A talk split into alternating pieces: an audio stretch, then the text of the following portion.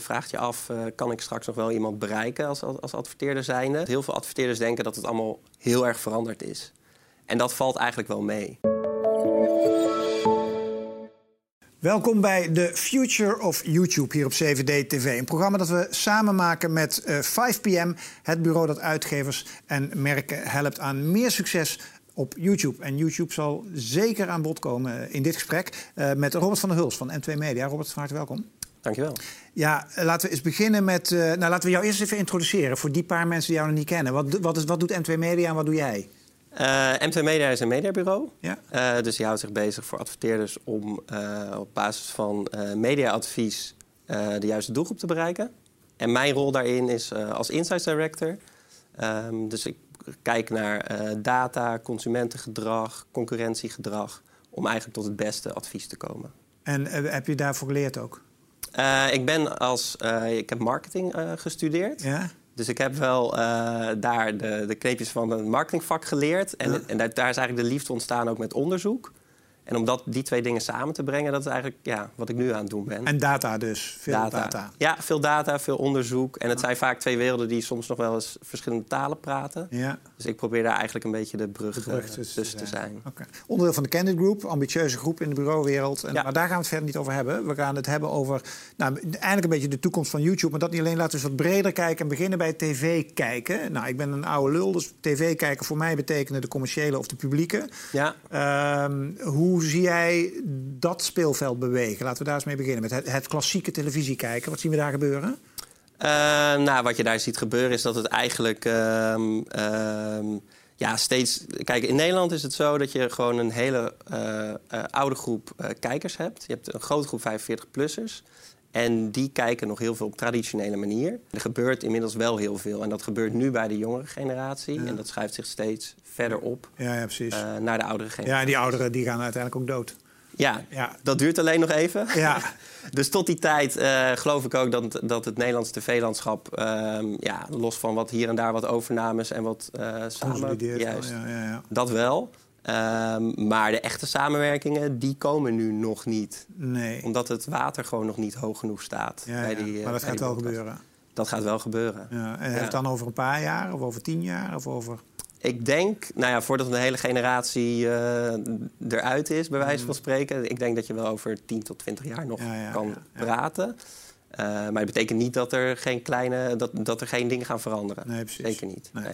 Kijken naar de VOD-markt, met name de online platforms. Daar zijn we, zijn natuurlijk een paar uh, merken die meteen opkomen, maar die wel verschillen onderling. Uh, kun je daar eens wat op inzoomen? En dan wil ik daarna inzoomen op de scenario's als het gaat om de toekomst, ook met name richting de adverteerders, waar jullie natuurlijk mee werken. Ja. Als we eerst naar die platforms kijken, Netflix, Disney Plus, wat is het? Apple TV, uh, eh, Amazon, Prime. Ja. Dat speelveld, schets eens. Wat zijn dat voor spelers? Hoe verschillen ze? Um, nou, je moet, ja, Netflix, dat kent natuurlijk iedereen. Is, is ook de absolute marktleider, was de eerste. Uh, heeft altijd nou, de goede content gehad. Ja. Uh, heeft een enorme base aan abonnees opgebouwd. Ja. Volgens mij zijn het er nu zo'n 3 miljoen betalend. Maar nou, er kijken er wel, wel 5 miljoen of meer. Ik bedoel, de abonnementen worden heel veel gedeeld. Zo is het nou eenmaal. Ja. Uh, hebben ze overigens wel onlangs aangekondigd om daar... Uh, oh ja, maatregelen. Om, ja, om dat echt aan te gaan pakken. dus ze dat gaan doen. Ik ook. Ja. Uh, nou, concurrent users kan me voor. Als ik een abonnement heb en ik mag met vijf man kijken... Ja. Ja, dan kun je bij persoon 6 kun je de knop dichtzetten. Maar... Dat klopt. Maar ze hebben het ook echt wel over technieken met GPS en of je überhaupt wel, wel eens op dat thuisadres bent. Maar ja, ik weet niet of het privacy, privacy technisch ja, uh. Ja. maar dat is heel interessant. Netflix is dus echt ja, absoluut een marktleider. En ehm, eigenlijk is daar sinds kort, ja, hè, er, er, gaat nu verandering in komen. Want Disney Plus is, is onlangs gelanceerd. Ja. Een soort van soft launch. Wat dus... kunnen we daarvan verwachten? Het is een enorm grote contentproducent. Ja, en uh, hebben al heel veel. Hebben heel veel, trekken dat van Netflix af. Uh, dus dat, hè, wil je straks Disney-content kijken, dan moet je toch echt dat via dat platform doen. Mm -hmm. Dus dat, dat maakt ze sterk. Mm -hmm.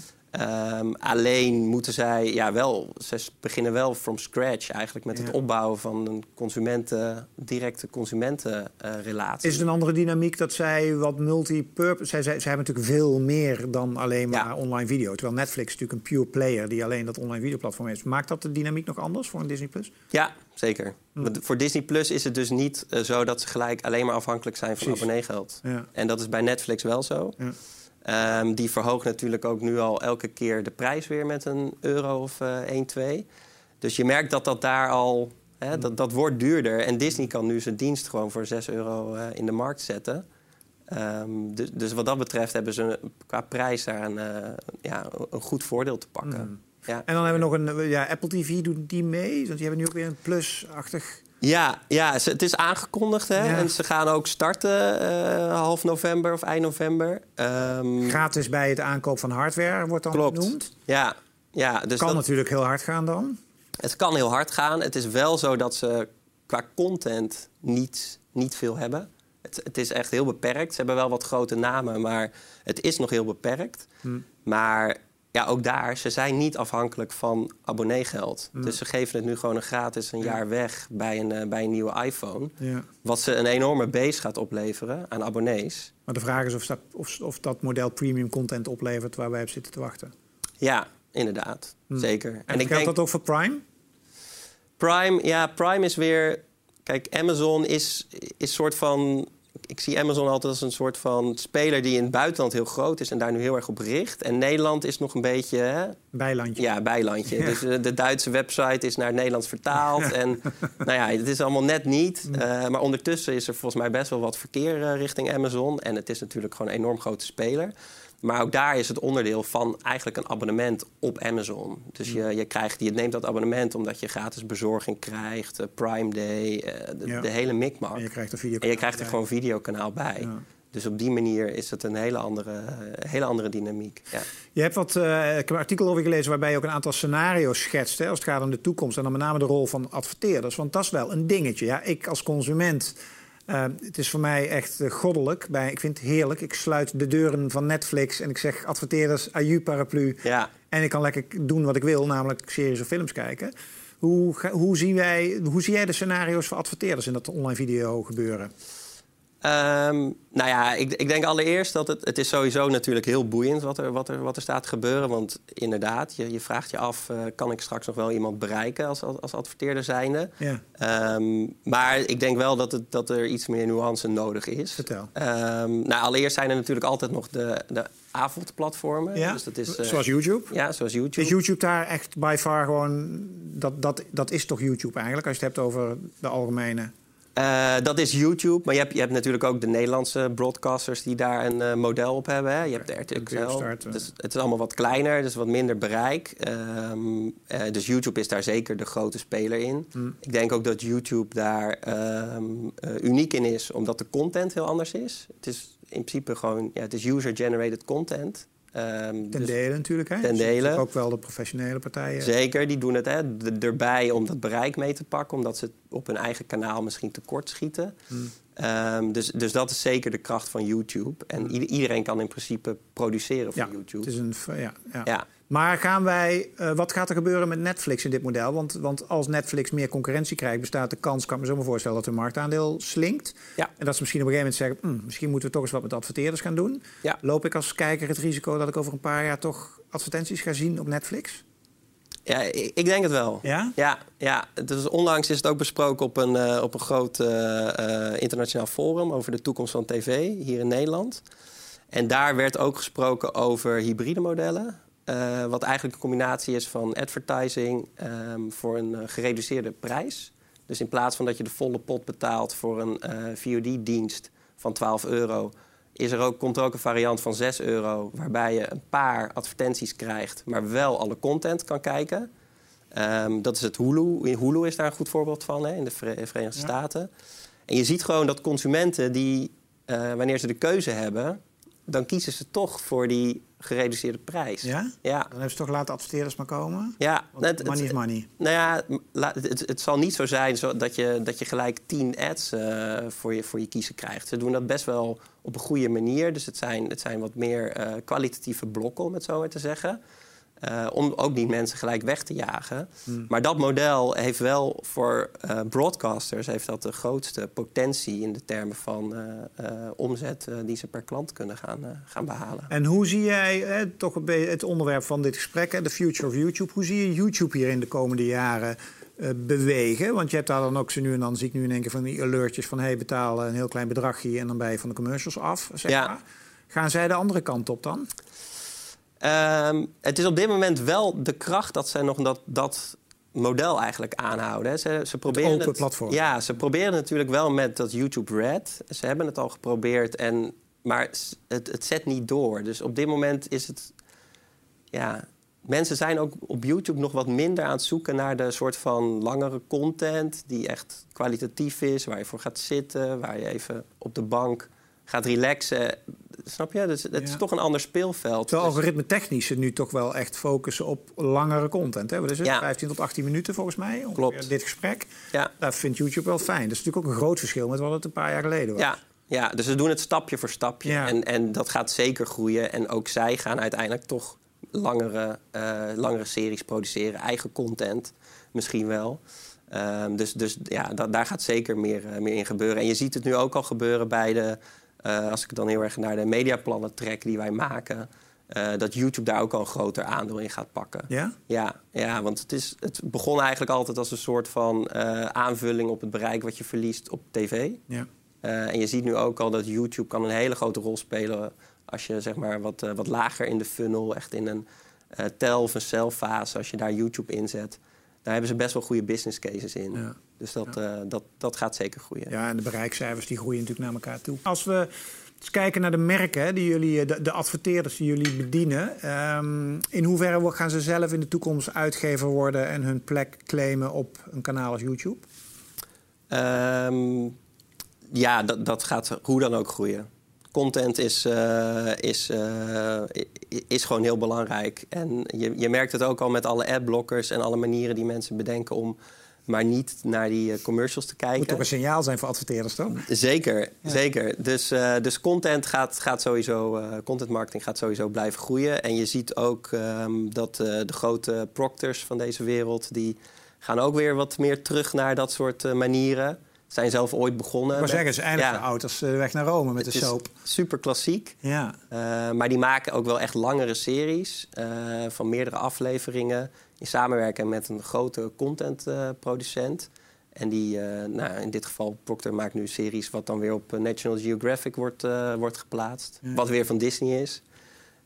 Maar dat, ja, op, op die manier kunnen ze wel hun merken koppelen aan bepaalde thema's. eh, zonder dat het echt met product placement all Ja, over eh, the place is. Is het dan meer involvement met een bepaald thema of met een bepaald domein... wat de waarde is van dat soort advertenties... in plaats van alleen maar product placement?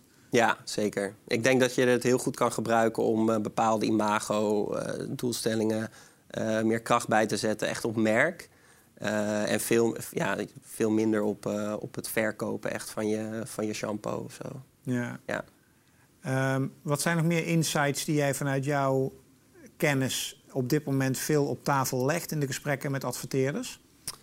Als het gaat om online video. Ja. Soort, eh, Nou ja, een daarvan is, is als het gaat over video, is dat mensen denken dat, of over mediaconsumptie, is dat, dat heel veel adverteerders denken dat het allemaal heel erg veranderd is. En dat valt eigenlijk wel mee. Hm. Als, je, als we kijken naar de data, dan ehm, consumeren consume- consumenten ongeveer drie uur videotijd op een dag. Dat, dat is dit jaar zo, dat was vorig jaar zo. En in 2013 was dat eigenlijk ook zo. Alleen de kanalen verschillen. Dus de manier waarop, die verandert. Eh, maar we zijn best wel kuddedieren. En we vinden het nog steeds heel fijn om na een dag lang werken op die bank te ploffen. Hm. Dus, dus daar verandert eigenlijk niet zoveel.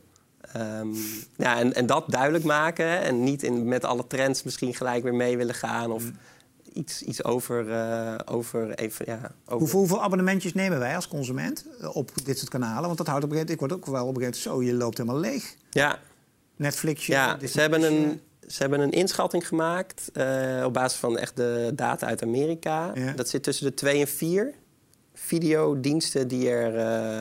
En dan ga je uit van ongeveer een tientje per, Ja. per dienst. Ja. je weet. Is er nog een onderscheid te maken ehm, eh, tot slot tussen B2C en B2B? Is dan, werken jullie veel voor B2C-brands of ook voor B2B? Oké, eh, wij werken voornamelijk voor B2, B2C brands. maar kun je het zeggen over B2B? Is dat een compleet ander domein?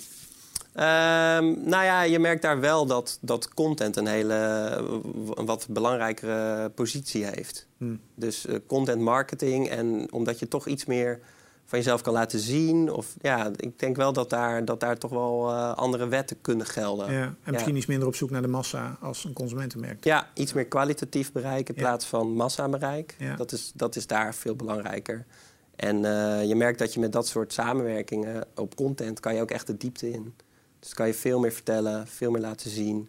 Ehm, Wat, zijn de, wat zijn de randvoorwaarden om goed en succesvol als merk op YouTube de komende jaren je ding te doen? Wat zou jij dan als handvatten in ieder geval meegeven als richtlijnen aan adverteerders of merken?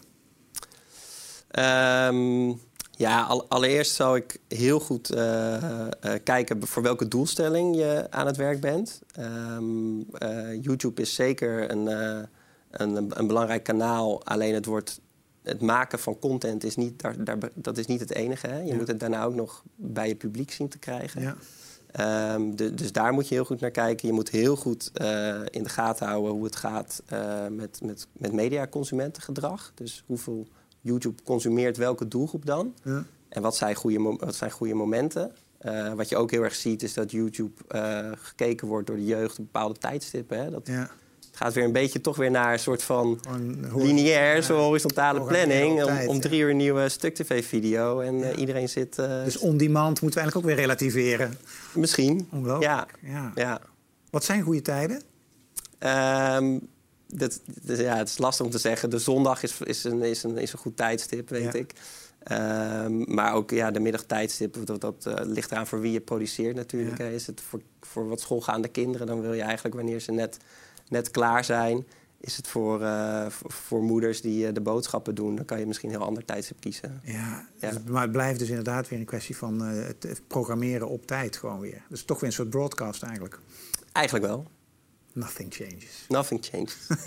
Dankjewel voor dit gesprek, eh, Robert. Graag gedaan. Dat je gast wilde zijn. En dankjewel voor het kijken naar weer een, eh, eh, een van de afleveringen van The Future of YouTube namens eh 5PM. Dank voor het kijken. Als je het leuk vond, abonneer je op ons kanaal en eh duimpje omhoog van deze video. Dankjewel.